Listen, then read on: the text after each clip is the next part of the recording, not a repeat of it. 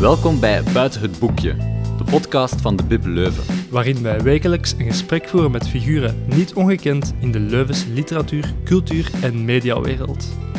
In deze aflevering spreken we met Fatmata Jallo, de voorzitter van Belgian Youth Diplomacy. Naast haar inzet voor sociale kwesties heeft ze zich ook ontpopt tot een hardnekkige fan van fantasy, anime en manga. Welke podcast beluistert je? Eh, maar meestal zo die op YouTube worden gezet. Maar dan Mhm. vooral Amerikaanse. eh, die over ja, van alles eigenlijk. Politiek. En, Eh, politiek. Dat is, een van, is dat een onderwerp dat je graag volgt? Eh, ja, toch wel.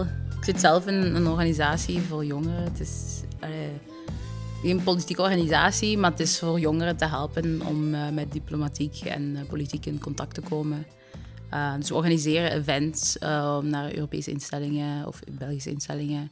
eh, ja, ontmoetingen met ministers en zo allemaal. Oké, wat is de naam van die organisatie? Eh, Belgian Youth Diplomacy. Ik ben daar de voorzitter van. Ja. Wow, Wow. cool. Alright. Hoe, hoe lang bestaat die organisatie al? Eh, acht jaar. Zo'n achtste jaar nu. Wacht je daarbij van in het begin? Nee, nee, ik ben er een paar jaar geleden ingestapt. Eh boardmember dan eerst geweest en dan ben ik uiteindelijk verkozen tot eh, voorzitter. En hoe, hoe zet je daar dan... Ah, hoe heb je die organisatie gevonden? Eh, ja, als, ik ben altijd zo iemand geweest, ik zoek altijd van alles. Ik heb heel veel interesses, ik ben graag bezig. Ehm, dus ik zocht iets om te doen in mijn middelbare school. Ik denk mijn voorlaatste jaar in middelbaar of mijn laatste jaar. Ehm, want ik was ook voor, allee, jongerenambassadeur geweest van eh, Plan International van België. Ik weet niet of jullie dat kennen. Dat is zo'n ehm, ja, een humanitaire ontwikkelingsorganisatie voor kinderen. Dan. Mhm. Uh, dus ik was daar een jongerenambassadeur van. Dat was ook heel tof. Maar dan stopte dat.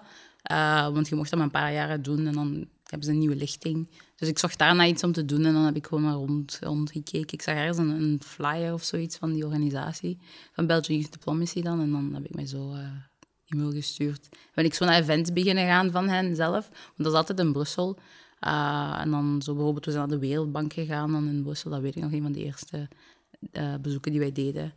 Um, en dan zo ben ik er nog meer ingerold en ben ik uiteindelijk zelf board uh, dan ja, nu voorzitter. Ja, ja. Hoe, hoe, klim, hoe wordt iemand zo voorzitter van zo'n organisatie? Want je zegt, je zit in de board, dus dan ja. beslist je echt al mee over de management van de organisatie. Ja, ja, Is er dan een stemming of zo? Of? Ja, ja, een soort verkiezingen dan, zo gezegd, waar dat uh -huh. een hele, de hele board uh, weer verkozen wordt. Ja. En, worden en jullie, allee, de, de, oude voorzitter had mij eigenlijk voorgedragen als, als kandidaat, omdat je vond allee, dat ik dan de job zou kunnen overnemen. Uh, uh, en zo ben ik uiteindelijk dan ja, de voorzitter geworden.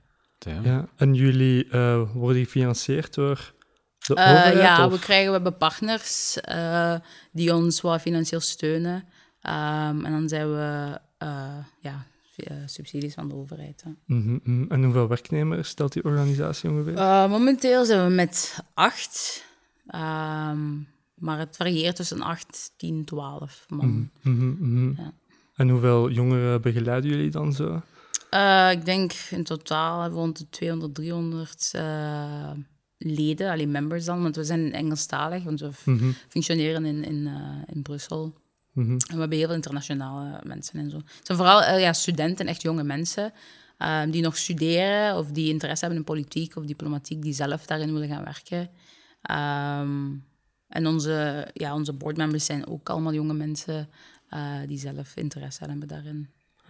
Enig idee hoeveel nationaliteiten er onder die jongeren oh, zitten? Verschillende, verschillende. Want zelfs in onze board alleen. En ook, het is heel interessant, want, want dan nu bijvoorbeeld hadden, zochten we weer nieuwe, allez, nieuwe boardmembers dan. Um, en we krijgen altijd heel veel e-mails van mensen die eigenlijk buiten, allez, buitenlanders zijn eigenlijk. Ja. Uh, maar die toch bij onze organisatie, ik weet niet waarom precies, maar dat trekt hen echt zo aan.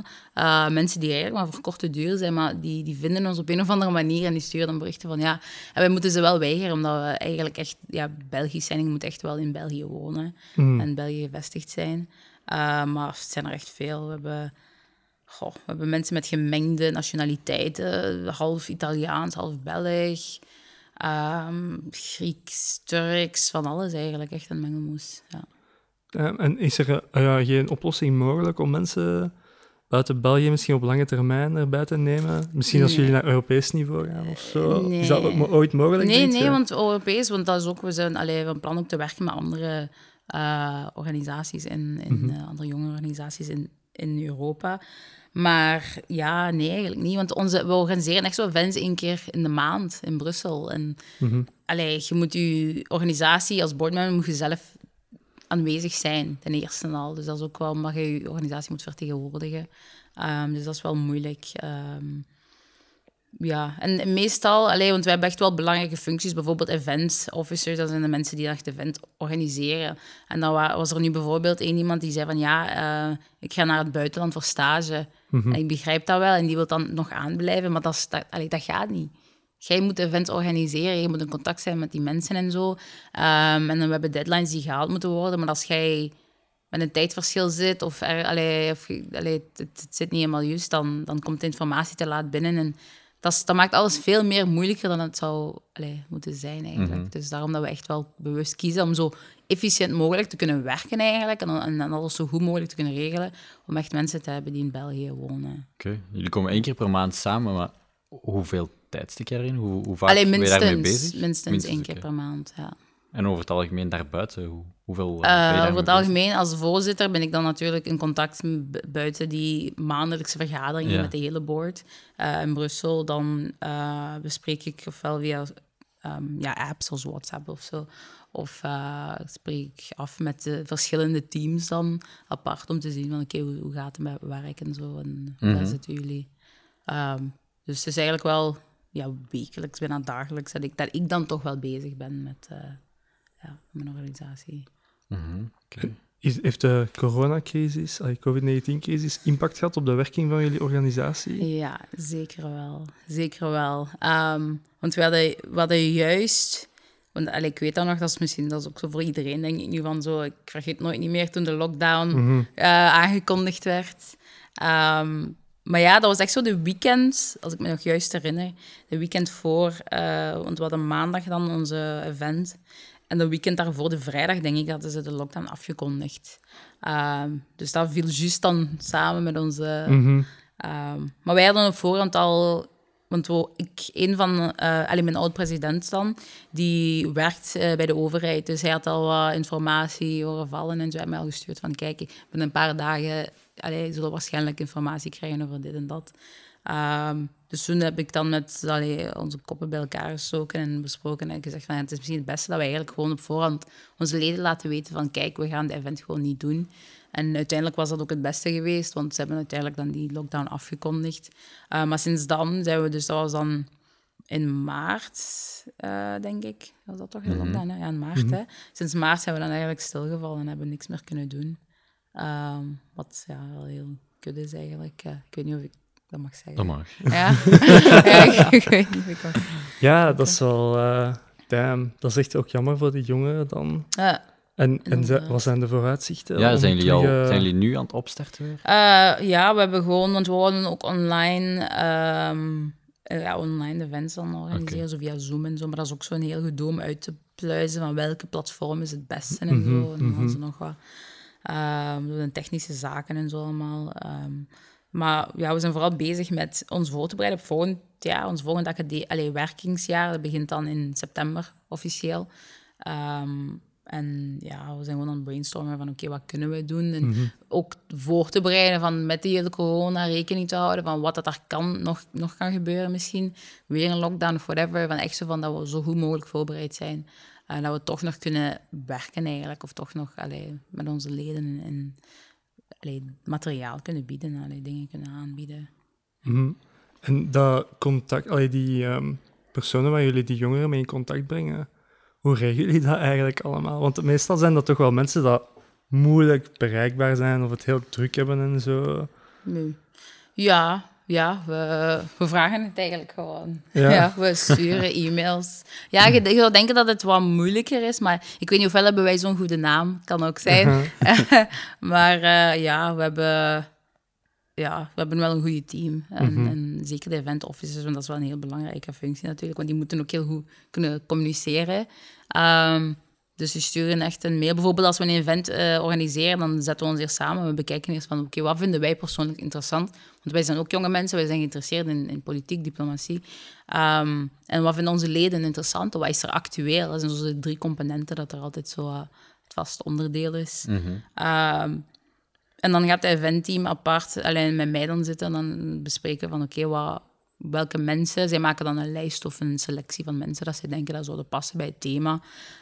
Um, en dan, als ik daar goedkeuring over geef, dan kunnen ze de e-mails uitsturen en Ja. zo. En uh, meestal, allee, zo de, de secretaressen of de, de, allee, de aides dan en zo van die ministers, die staan er wel vrij open over, eigenlijk.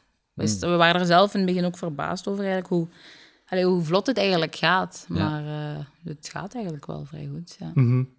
Wat is- heeft- Ja, zeg maar. Oké. Ik wil vragen, wat heeft u gedreven om ehm, bij zo'n organisatie eh, te gaan, u, u te engageren? Goh, ehm wat heeft mij gedreven? Ik ben altijd iemand die, die gedreven is. Eh, zoals ik al zei, ik heb altijd, sinds ik jong was, zocht ik altijd iets om te doen. Ik ging, eh, toen ik nog bij Plan België zat, ging ik dan... Want dat waren echt zo weekends dat je dan weg moest. Dus ik woonde toen... Ik ben opgegroeid in Limburg. Ehm, en toen moest ik... Ik weet nog, dat was de eerste keer dat ik dan zo alleen met de trein ergens naartoe ging. Op mijn vijftiende, zestiende. Ehm echt zo... Dat weet ik nog, na school pakte ik dan de bus eh, en om naar het station te gaan, pakte ik de trein. Ik had mijn ja, weekendtasje dan mee, helemaal naar Brussel, eh, Brussel Centraal. En dan moest ik zo'n locatie zoeken. En dan, meestal zaten we zo in, in eh, ja, jeugdherbergen. Daar gingen we dan overnachten, omdat dat zo goedkoop was. Hè.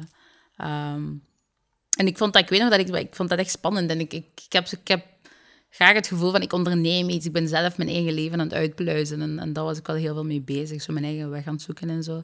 Dus dat, dat is zeker echt wel een, een heel belangrijk iets voor mij. Eh, en los daarvan ben ik gewoon heel erg geïnteresseerd in politiek, in de wereld, in mensen. Ehm, ik, ja, ik, ik ben niet zo iemand... Ik, ik, ik ben heel hard bezig met wat het er allemaal misloopt. Ehm, misschien moet ik daar minder mee bezig zijn. Maar ik, ik, ja, ik vind dat heel interessant om te weten wat het er allemaal bezig is. Ik kan niet gewoon leven zo van bezig zijn met mezelf. Ik weet niet. Ik vind mijzelf een heel klein onderdeel, een heel pietluttig onderdeel eigenlijk van dit alles. Ehm, en ik veel- ben veel meer geïnteresseerd in de werking van alles. Ik heb dat ook, dat is heel raar, maar ik heb dat bijvoorbeeld... ehm ja, zo factories, ik kan nu niet op het eh, Nederlandse woord. Ja, fabrieken. Fabrieken, ja. Fabrieken. Ja, Ja, ja. fabriek. Ik vind dat heel interessant. Ik, ik ben graag in fabrieken. Ik wil graag zien hoe dat iets gemaakt wordt. Hoe dat echt zo van begin tot... tot allee, van, van nul, zo helemaal tot het eindproduct. Ik vind zulke dingen heel interessant. Dus daar heb ik met vrijwel alles eigenlijk. Met mensen ook. Van, hoe, hoe doe je dat? Hoe, waarom deed je dit? Of hoe zeg je tot dit gekomen? Ehm, dus dat, dat drijft me wel heel hard. Ja. Het is wel jammer dan dat de werking van de organisatie nu stil ligt, want het zijn wel hele woelige en interessante tijden geweest op politiek vlak. Ja, ja, ja. Eh, Met de hele Black Lives Matter, dat terug opgeflakkerd is ook. Ja. Hoe gaat jullie organisatie daar dan mee om? Neem aan dat jullie daar wel natuurlijk bij aansluiten, maar gaan jullie dat dan ook promoten? In, allee, ik bedoel, gaan jullie dat betrekken in jullie programma? Eh, wij zijn bij allee, onze, de fundamenten van onze organisatie, zou ik zo zeggen, is eigenlijk dat wij neutraal zijn. Ehm, dus wij horen niet bij een politieke strekking of wij, wij laten niet een echte duidelijke mening uitschijnen over een bepaald onderwerp. Wij staan open voor communicatie. Wij, wij willen altijd eh, met wie dan ook praten. Behalve het echt extreme, daar houden we wel afstand. Die houden we een beetje op afstand. Eh, maar voor de rest, alles wat maatschappelijk is, daar staan we echt voor open om in, in, in debatten of in discussies over te, over te gaan. Ehm, maar als het aankomt op zo die Black Lives Matter eh, gedoe, we bespreken dat wel zelf onderling, omdat wij zelf, eh, zoals ik zeg, jong zijn en, en wij, wij zijn mee met het nieuws en, en actu- actualiteit en zo. Ehm, maar echt zo van wat dat wij pas als het echt zo'n raakvlak heeft en als de politiek, allee, zel- zeker Europa of zo, zich daarmee mengt of iets eh, daarover te zeggen heeft, dan, dan is dat echt pas echt iets wat dat wij bespreken. Bijvoorbeeld als het dan gaat over die kolonialisme en al die zaken. En als Europa zich daarin gaat moeien of daar iets over te zeggen heeft, of België, eh, dat zijn dan dingen dan wel dat, dat wij dan eh, mensen voor zouden willen uitnodigen om daar echt gesprekken over te hebben en zo. Dus we zijn daar zeker wel allemaal mee bezig. Maar het moet echt wel in het politieke passen, in het eh, niet... Als het gewoon ja, het publiek is die een debat heeft daarover, dat, ja, dat, we wachten meestal dan af om te zien van, kijk, wie gaat zich daarin mengen uh, van, van, grote figuren of whatever. Hm, en nu heb je dat persoonlijk ervaren, dat die zaken zoals racisme in de maatschappij, ook in de Belgische maatschappij uiteraard, terug bespreekbaar zijn, allee, meer besproken worden, zeg maar, liever? Um, ik vond heel veel bullshit. Dat, dat is uh, mijn algemene mening, uh, algemene gevoel bij alles wat er heeft plaatsgevonden. Nu is dat natuurlijk wat overgewaaid, wat gekalmeerd allemaal. Uh, maar ik vond, ik vond heel veel bullshit. Ik vond heel veel dingen die ik hoorde dat ik dacht van, dat is toch niet serieus. Um, ik ben, daarom denk ik natuurlijk bij mijn organisatie, want wij, wij willen mensen helpen of de kans bieden om, om in communicatie te staan, in mhm. dialoog te staan met andere mensen en andere meningen en bij te leren en zo. Dus ik sta daar zeker voor open.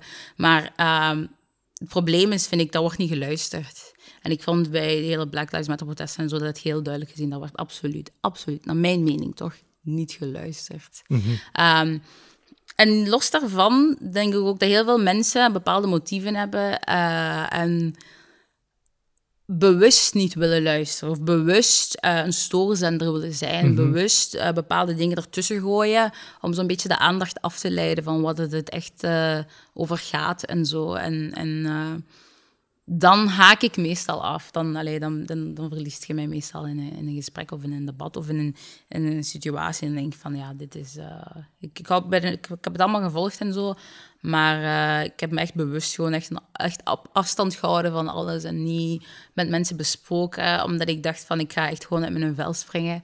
Want ik vind dat ja, echt veel bullshit gewoon, wat dat mensen zeiden, hoe dat mhm. mensen het aanpakten. Ik dacht van, je kunt toch niet serieus. Ik veel, heel veel hypocrisie ook.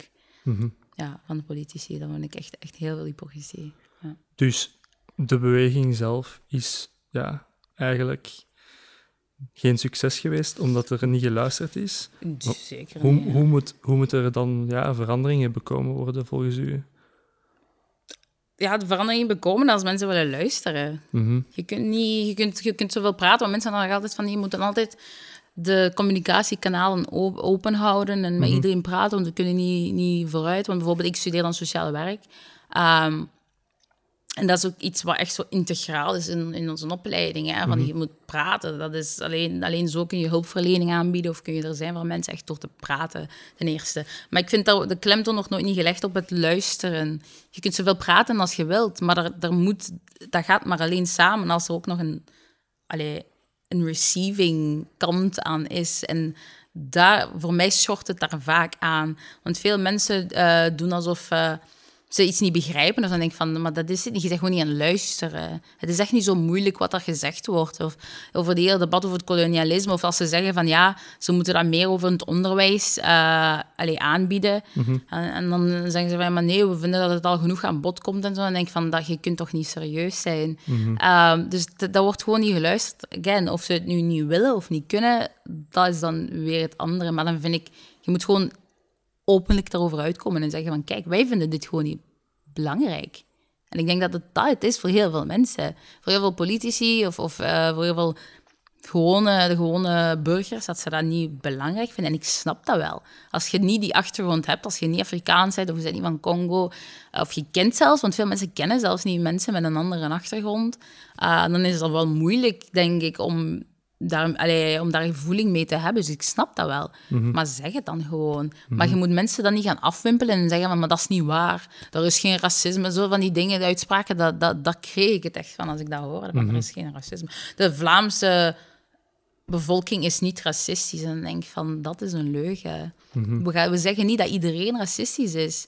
Maar om daar dan tegenover te zeggen van, de Vlaamse bevolking als geheel is niet... Dat, dat klopt niet. Dat klopt niet. En dan ondermijn je wat dat andere mensen zeggen. En dan kun je niet... Dan, voor mij ben je dan een fake dat je echt wilt luisteren. Vooral die politie. Dan denk ik van, we kunnen, geen, we kunnen niet echt praten, want je bent, je bent dingen aan het zeggen die niet kloppen. En dat weet je zelf ook.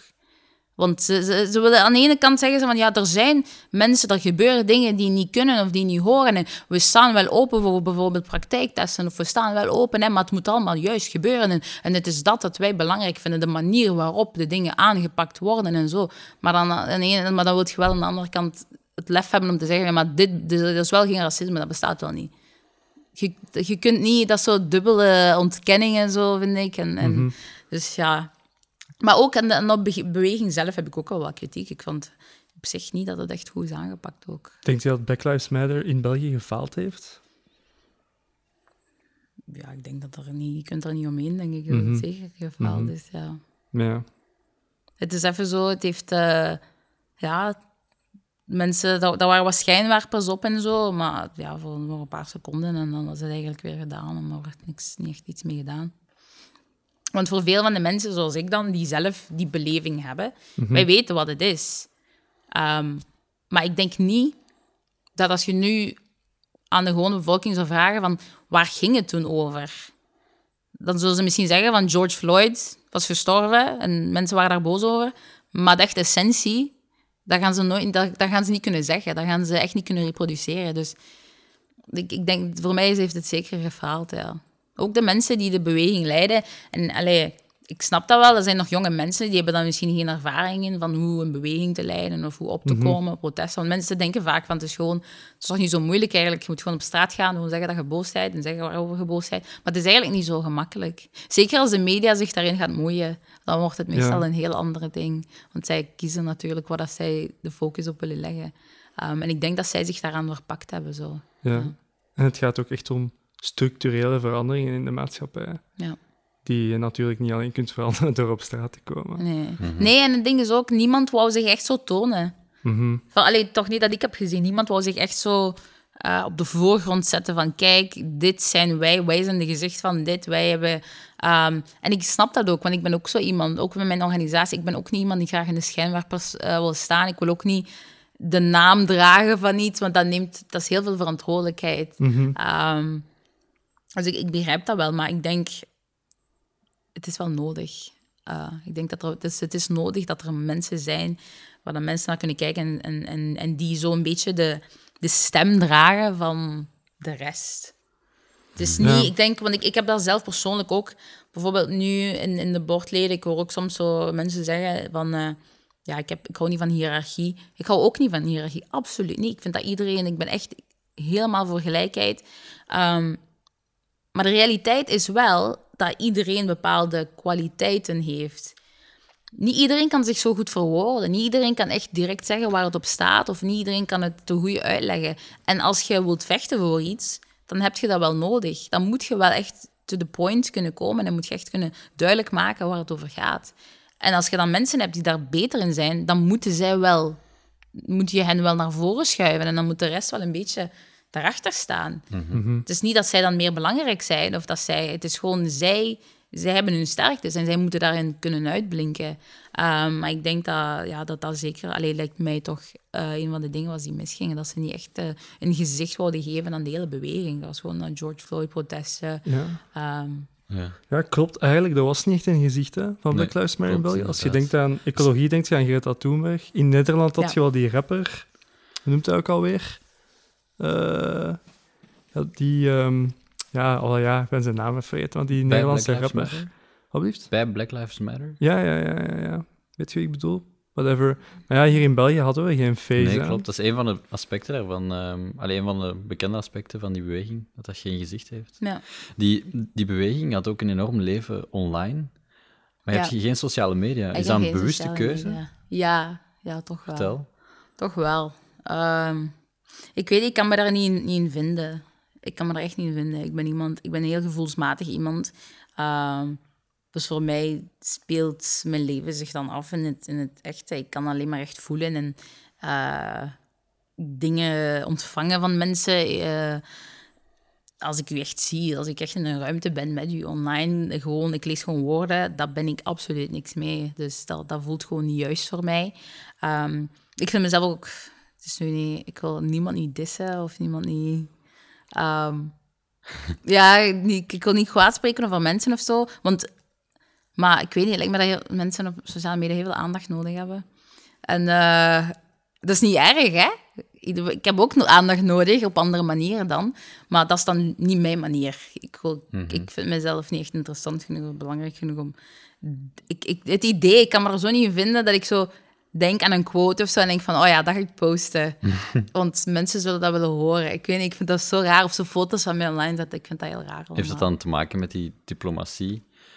Aangezien op sociale media worden wel het vaakste berichten opgepikt die eh, een extremere boodschap dragen of eh, Dat ook. Ik denk, het, het ver- uit- vergroot mensen hun... Ja, hun... het neutrale vervalt op sociale Ja, media. inderdaad. Het is allemaal extreem. En, en ook weer dat luisteren, dat, dat vind je ook niet. Van wat ik heb gehoord op sociale media. Mensen, s- allee, zo, dat is zo, is dat? Screaming into the void. Dat is echt zo, iedereen Ja. gooit maar gewoon.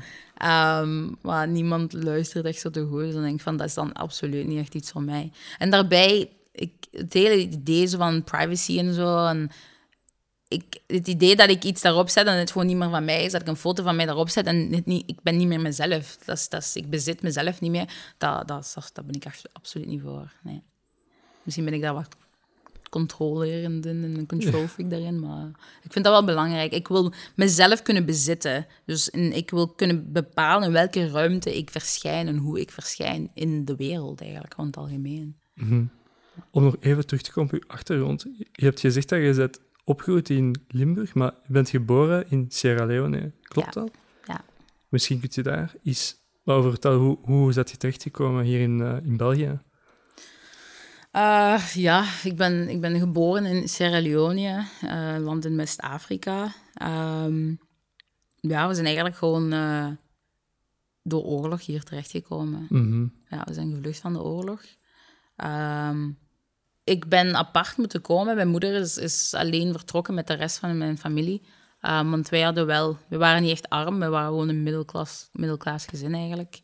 Ehm, dus ja, wij hadden wel de middelen om maar snel weg te wezen voordat het... allee, ja, niet voordat het, want het was al uit de hand gelopen, maar voordat wij fysiek eh, allee, eronder hadden geleden, ehm, zijn we weggegaan. Maar de omstandigheden ehm, kon ik niet met mijn moeder, want ik had ook eh, ik heb een oudere broer, eh, konden wij niet samen allemaal vertrekken. Dus mijn vader zat ergens anders ondergedoken. Mijn moeder was dan met haar eigen familie vertrokken. Um, en dan zaten mij, ik en mijn broer werden dan ergens anders eh, geplaatst bij een tante en een oom van... eh, ik denk de broer, en, eh, ja, de broer en zijn vrouw van mijn vader. En dan hebben we daar een tijdje bij verbleven eigenlijk. En ik was toen zo jong dat ik eigenlijk zo vergeten ben, alleen vergeten was dat ik eigenlijk ouders had. Want op dat moment was alleen mijn, mijn, mijn broer. Was mijn vertrouwenspersoon, dat was alles wat ik kende. Dus ik dacht niet echt meer aan, aan een moeder of een vader. Hoe oud was je toen? Uh, drie, vier jaar, drie, vier, vijf jaar. Zo ergens in die periode is het allemaal dan, heeft het plaatsgevonden.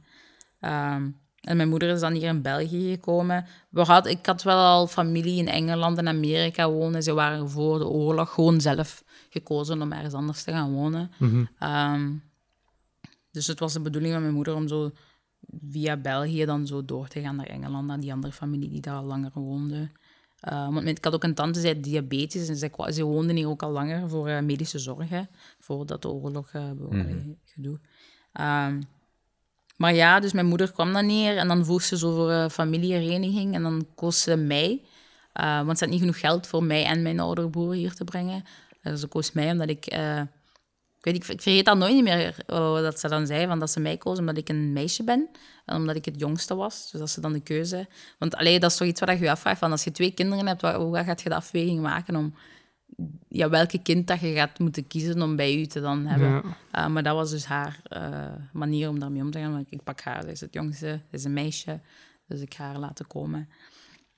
Um, en ik, ik, weet nog, dat was een dag, ik was, we kwamen terug van school, ik en mijn, mijn broer.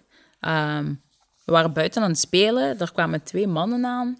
Die, uh, die liepen door, die gingen naar binnen, die praten zo een paar... Ik weet nog dat het echt zo kei kort was, echt zo'n paar minuten. Uh, met mijn tante en oom. Um, die kwamen terug naar buiten met een, een tas van mij. Um, en die kwamen naar mij, die pakten met mijn hand en die begonnen zo met mij weg te lopen. Zo. Um, en ik weet nog dat ik achterom keek naar mijn broer. Zo van, ah, hij komt niet mee. En het begon zo door te dringen als een kind van, ja, mijn broer komt niet mee. Ik ken die mannen niet. En ik weet nog dat ik begon te... Zo een van mijn weinige herinneringen eigenlijk van in Afrika. Dat ik zo begon te huilen en ik begon mij zo weg, allee, los te trekken. Zo van... Uh, En dan pakte die, die man mij op, mijn, allee, op zijn, zijn schouder zo. En ik was van trappen en echt zo helemaal hysterisch en zo. Ehm, dan heb ik een paar maanden met die, die twee mannen dan rondgereisd, zodat mijn moeder alle papier, eh, ja, documenten en zo in orde had. Ehm, en dan zijn we uiteindelijk dan de, de vlieger genomen naar uh, ja, Zaventem. En dan toen we daar aankwamen, hebben ze ons een apart genomen. En hebben ze ons ergens in, in dat is een steenokkerzeel, een uh, asielcentrum, daar een gesloten instelling. Uh, hebben ze mij en die mannen. Achteraf weet ik nu dat die mannen, die zijn familievrienden. Ik wist dat, ja, ik was een klein kind, dus ook al wist ik het dan dat nog, had ik ze niet herkend waarschijnlijk. Um, ja, dus ik, ik zat in Steenokkerzeel met heel andere een mensen. verschrikkelijk verhaal. Heb je broer nog teruggezien? Eh, hij is een paar jaar geleden naar België gekomen. Oké. Hij, wou altijd, hij heeft zijn ja, studies daar gedaan. Hij wou rustig zijn Mhm. leventje daar uitgebouwd. En dan had hij beslist om hier te komen. Dan. En heb je zelf ooit Sierra Leone bezocht nog? Nee, sinds ik hier ben, eh, heb ik niet de kans gehad Mhm. eh, om terug te gaan. Maar ik wil wel heel graag terug. Sowieso. Mijn vader woont daar ook nog. Ook al ken ik hem eigenlijk in feite niet. Want Mhm. van, van mijn drie jaar ben ik eigenlijk weg geweest van hem. En sinds dan heb ik hem niet meer gezien. Ik heb wel met hem gesproken. Ehm, maar dat was altijd heel awkward voor mij toch als kind. Dat was altijd van... Ik ben aan het spelen en mijn moeder roept mij van... Ja, je papa is aan de lijn. En dan kom ik en praat ik. En dan zegt hij veel dingen en dan vraagt hij dingen. En dan antwoord ik gewoon ja, oké. Love you too. Doei. En terug gaan spelen. En zo absoluut geen besef of... Allee, van dat is mijn vader. Ja, dat is echt een vreemde voor mij eigenlijk. Hmm. Dus, ja. Maar ik ben wel blij, want ik had gehoord dat ze nu in Steenokkerzeel... ehm, dat ze nu geen kinderen meer toelaten. Want vroeger was dat echt gemengd. Zo kinderen met zo volwassen mannen samen, alles zo bij elkaar. Ehm, en ik weet nog dat... Want ik, ik had daar voor de eerste keer, toen ik dan dus ja, zes jaar was of zo, een sigaret aangeboden gekregen. Eh, dus ik was wel blij om te horen dat zulke toestanden dus niet meer kunnen gebeuren. Oké. Ja. Ja. Ja. Iets helemaal anders dat ik mij afvroeg wel. Wat leest zo'n bezig persoon als jij? Goh, ik lees heel veel. Ja, sinds ik, sinds ik klein was. Dat was ook toen ik hier in België kwam. Toen, toen ik jonger was ook nog, maar toen ik hier in, in België kwam dan... Dat was mijn toevlucht eh, in de boeken. Want ik kwam hier aan, ik weet dat nog... Ik sprak niet door de eerste Ja. paar weken. Ik zei echt geen woord. Eh, maar dat was echt... Van waar ben ik? Zeg, what the fuck is dat hier? Waar ben ik nu terechtgekomen? Ehm, en ook mijn moeder, ik weet nog toen ik haar zag, dat ik echt zoiets had van... Wie zijt jij ten eerste? En ten tweede, toen ik daar zo meer door had van dat is, dat is mijn mama, dat ik de herkenning zo wat terug begon te komen. Ik was boos op haar. Ik dacht van, waarom heb je mij hier gebracht? Ik wil hier absoluut niet zijn. Ik wil terug naar mijn broer. Ehm, dus ik ben echt zo in boeken, boeken absoluut gaan zitten. Echt zo, dat was echt puur escapisme voor mij. Ik voelde me daar keigoed in. Ehm, ik weet ook nog dat ik niet kon slapen met het licht uit, zo in die eerste paar maanden ook. Ik voelde me echt zo niet veilig, ja. Een heel, heel nieuwe omgeving. Ehm, maar eh, fantasieverhalen, dat was echt, eh, van het begin was dat mijn ding. Echt fantasy, meteen erin gedoken. Ehm, ik weet niet of jullie dat hadden zo op school, dat jullie zo leesdiploma's kregen. Ja. Ik had er keiveel. Ik heb, er, ik heb ze bijgehouden. Ja, ik had er echt keiveel. Want ik ging elke dag... ehm, ik had ook heel snel mijn, mijn leesniveau behaald. Meteen al van de, de, de eerste keer. Want ik had ook heel snel Nederlands opgepikt eigenlijk. eh, want ik kreeg dan lessen.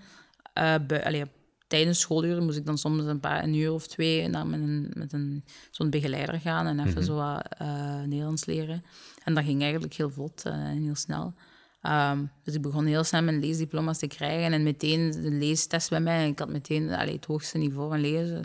Ehm, ja, dat ging allemaal heel vlot. Eh, denk, dankzij het, het lezen natuurlijk. Ehm, maar ik ging elke dag naar de bibliotheek, dat weet ik nog, naar school. Want in mijn school, alleen de biep de, van de gemeente, waren heel dicht bij elkaar. Dus ik kon gewoon wandelen. Ik haalde, je mocht maximum vijf boeken per dag uitlenen. Ik vijf boeken uitlezen voor een dag terug. En ik was echt zo... Jarenlang heb ik gewoon zo elke dag vijf boeken per dag gelezen. Ehm, en dat, ik weet nog, ik was zo gelukkig. hè. Dat was echt mijn leven. Ik was echt, dat was echt alles voor mij. Ik voelde me ook zo thuis in die bibliotheek. Dat was echt zo mijn, ja, dat was echt zo mijn plekje daar. Ehm, en ik ging ook heel snel van de kinderboeken. Dat was, ik- dat was, dat was, dat was gewoon... eh, saai. gedaan. Ja, dat was echt rap gedaan. Dat was ik echt snel mee klaar. Dan begon ik echt zo romans te lezen. Eigenlijk echt zo volwassen voor mensen eigenlijk. Maar ik, ik zat dat te lezen en eh, ik vond dat geweldig. En dan kon ik echt zo... begon ik met die trilogieën en zo. En echt zo... Mhm. Dat, dat vond ik ook zo geweldig. Dat ik echt zo hele verhalen en reeksen en zo kon doen. Ehm, ja, dat vond ik echt leuk. Van het moment dat ik zo van de laagste verdieping zo, want er waren dan de, de jeugdboeken en zo, en dan kon ik zo naar boven gaan waar de romans waren. En ik voelde me heel goed. Ik kwam daar binnen en die bibliothecaris, die kende mij dan, en die zei van, ah ja, je bent er weer. Ehm, ik zo, ja, de dag zeggen en gewoon zo trap op, zo naar boven. Zo ik moet daar niet meer zijn, dat, dat heb ik het al gehad. Ehm, maar ik heb echt ja, van alles gelezen. Eh, ja, fantasy is mijn lievelingsgenre, echt wel. Maar En welke, rest- welke boeken binnen dat genre zijn u bijgebleven? Goh, ehm, verhalen van de, wat is dat, de onderwereld van Licia Troisi, dat is een Italiaanse schrijfster.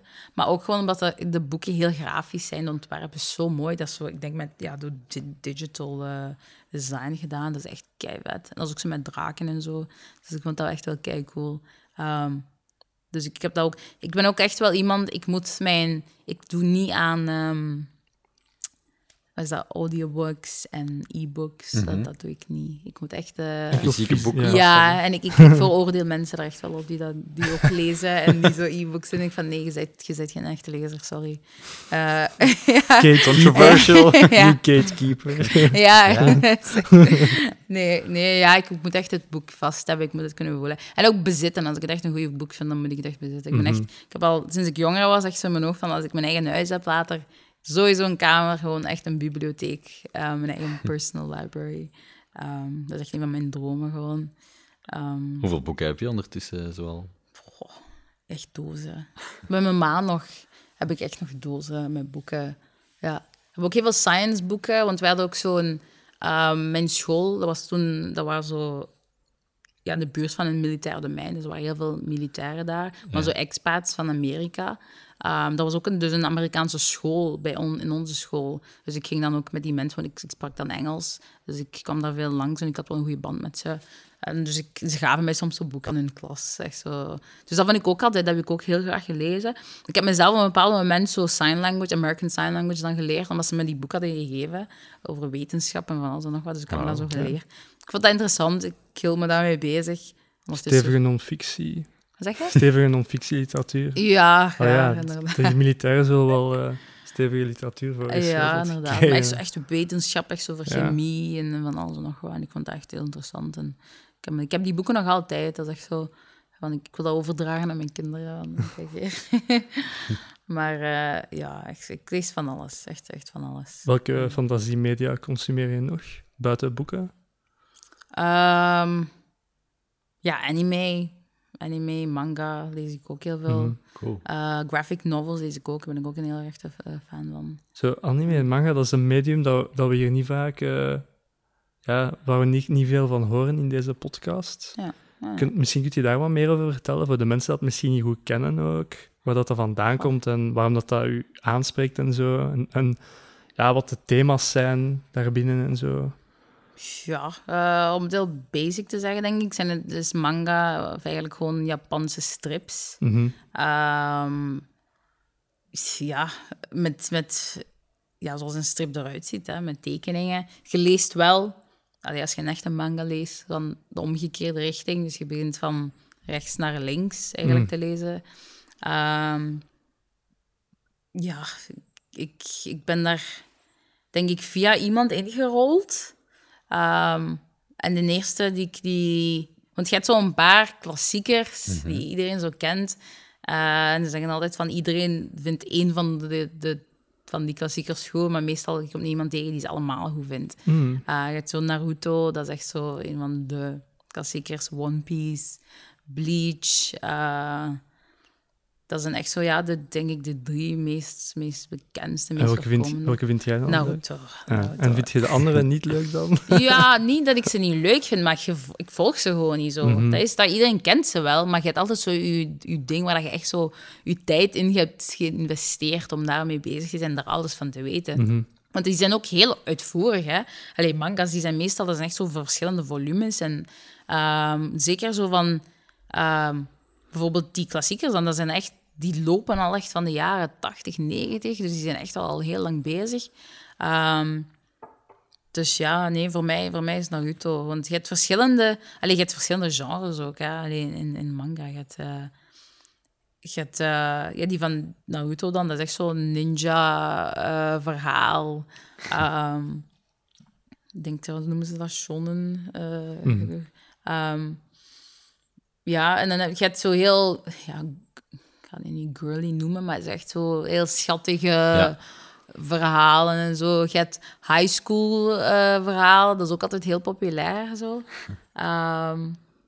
ja, je hebt echt verschillende, verschillende genres. Wat, uh, je hebt ook heel rare dingen gewoon, die daar zo uitvallen, maar toch wel wat interessant zijn eigenlijk. Ja. En voelt je dan verbonden met die hele fandom daar rond? Of uh, consumeert je zo meer op je eigen? Of? Nee, ik, consumeer het vooral op mijn eigen. Uh -huh. ja, ik, ik volg wel wat, wat er gebeurt, of de nieuwste dingen. Of, allee, ik ben wel iemand die, ook al zit ik niet echt op sociale media, maar ik, ik, op een of andere manier, ik vind wel mijn, manier, mijn weg om zo op de hoogte te zijn van alles. Um, maar echt zo in de fandom zelf zou ik niet zeggen dat ik zit, maar ik, ik volg het zeker wel. Ja, en ja, zo'n uh, convention of zo bijwonen? Ja, ik ben er al een paar geweest, die, die hier in Brussel en zo zitten. Um, en hoe was dat? ik weet niet, ik ben nu niet de grootste persoon van ik moet dat bezitten. Als het op Naruto aankomt, wel, want dat is mijn favoriet. ik ben ook, heb er ook mijn missie van gemaakt om al die manga's te verzamelen. Um, maar er zijn ook heel veel um, ja, manga's die verfilmd worden, die je dan niet hebt gezien eigenlijk. En wel de manga's van hebt gelezen. Uh, of er zijn er die dat je de manga nooit niet van hebt gelezen. En, en je komt soms gewoon op de anime uit. Uh, dus dat zijn er eigenlijk...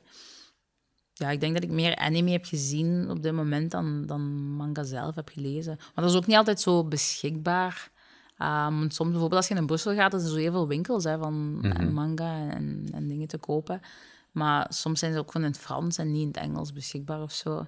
En ja, dan, dan vind ik dat niet echt plezierig om te lezen. Ik kan het op zich wel lezen, maar ik weet niet, dat, dat vergt wat meer moeite en dan, dan leest het niet zo vlot, omdat het niet echt een taal is dat je echt heel goed hanteert. Mm -hmm. dan, ja, dan, dan laat ik het liever. En Japans zelf leren? Ooit al aan gedacht? Ja, ik, daar ben ik zeker mee bezig geweest. Ik, was, ik heb denk ik, want er is echt wel een fase denk ik, dat je doorgaat als je in de anime- en manga-wereld uh, terechtkomt, waar je echt zo een, een obsessie in één keer met Japan, een obsessie met manga en echt zo binge-watchen en echt er helemaal in mm -hmm. en alles wilt weten.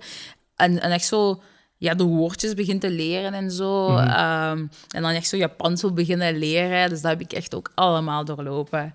Um, nu is het wat gekalmeerd, omdat ik nu zelf uh, zo van oké, okay, het, het, heeft wel even geduurd, maar ik ben er nu al, al wat meer in gekalmeerd. Um, maar ik ben wel nog altijd een fan van Japan. Ik weet nog altijd, alleen denk ik vrij veel erover. En, en ik, dat is nog altijd wel op mijn bucketlist om naar Japan te gaan. En, ah, okay.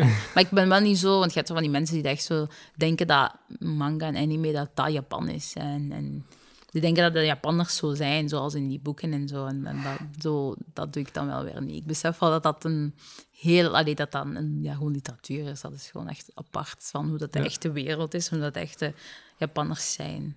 Ja.